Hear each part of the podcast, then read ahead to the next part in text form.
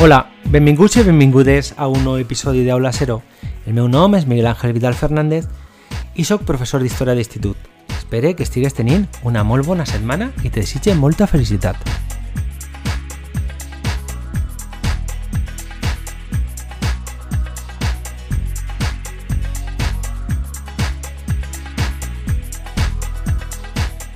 Anem a continuar parlant de la civilització grega i anem a continuar amb l'època arcaica, el naixement de les polis.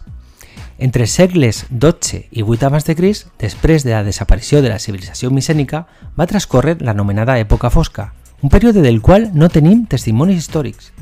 A partir del segle VIII a.C., els grecs es van anar agrupant en polis, que eren ciutats amb un govern, unes lleis i un exèrcit propis.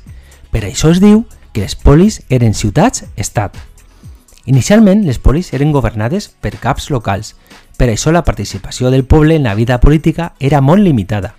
Després, el poder va passar a les mans dels més rics, que formaven una minoria privilegiada.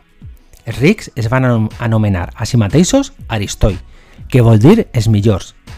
D'aquest terme procedeix la paraula aristocràcia, govern dels millors.